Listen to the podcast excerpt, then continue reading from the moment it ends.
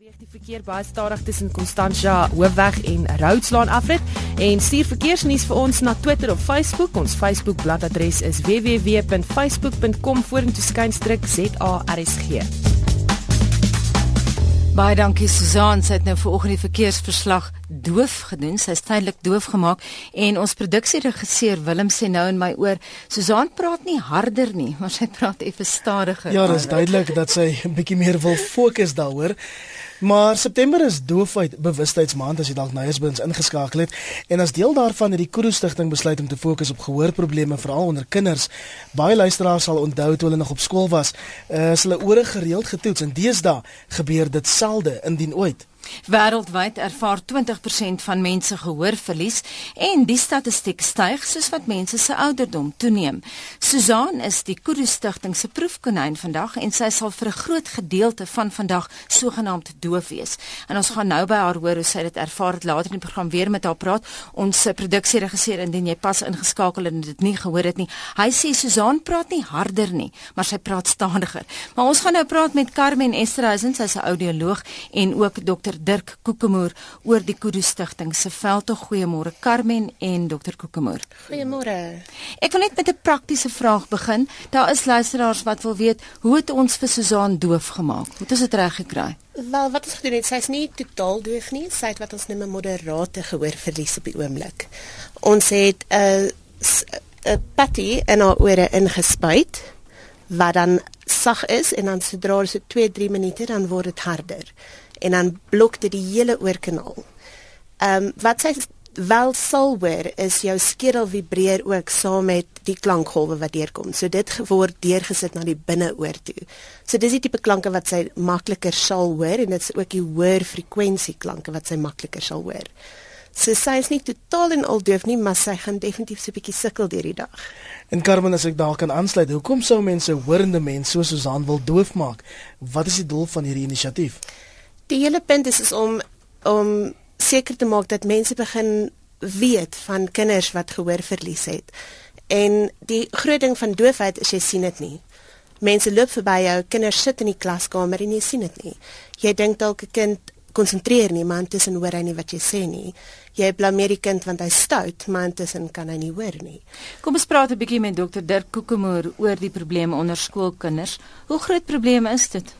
Dit is nogal 'n redelike groot probleem en um, ons besef dit nie.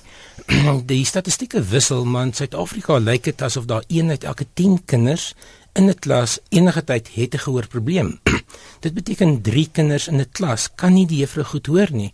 En wat dit veroorsaak is dat dat die kind mag dalk kritieke ehm um, lesse mis, soos wiskunde lesse en dit kan 'n uh, um, snowball effek in latere tyd dat sy daai kind spesifiek daardie um, gedeelte ge, um, ge, gemis het. En hierdie gehoorverliese is baie keer um, dinge soos um, soos was wat in die ore is, um, oorinfeksies wat mens eintlik kan behandel, maklik kan behandel, maar dit kan aangaan vir jare soms. Ek wil net vra weer eens op 'n praktiese vlak. Sou mens dit kan optel onder kinders Ek weet ek het 'n geneigtheid as ek iemand nie kan hoor nie, mens leun vorentoe om weer sien jy dat kinders dit doen. Sou dit 'n teken wees? Nie noodwendig nie, want baie van die kinders is nog dis wat hulle ken. Hulle ken nie iets anders nie. Soveel is dit normaal om nie te hoor. En wat van 'n infeksie as dit nou net begin het? Dis 'n nuwe ding vir 'n kind. Ja, dis 'n nuwe ding. Kinders betoon gewoonlik verskillend, so dit hang af van die kind, kind tot kind. Ehm um, so party van hulle sal, party van hulle sal klaar dit hulle nie hoor nie. Meeste van hulle sal nie klaar nie en hulle gaan net aan deur die dag en hulle word hulle val deur die deur die skool se se die Ja, jy dink nou Engels hy falling through the cracks. Exactly. En die forty cracks is maar vir God te sien altyd te goed nie. Ehm maar ja, so they fall through the cracks and they don't get picked up. Daar's 'n hele paar luisteraars wat vra as aan die foto's van Susan en sy het dit op ons Facebookblad gelaai, facebook.com vorentoe skynstrap ZRSG. Sy ran nou daai goed in haar ore, ons het ook daai foto's getweet. Intussen is daar tekens waarvoor ouers op die uitkyk kan wees wat hulle gehoor wat gehoorverlies betref, Dirk? Ja, ehm um, as 'n mens ehm um, tipies wat mense kan sien is een van die eerste dinge is dat jou kind luister net nie na jou as jy praat nie. Ehm um, dit kan mens redelik vroeg optel. Ehm um, dan op 'n latere stadium is dit tipies die punte ehm um, wat val of die kind doen skielik swak in 'n toets.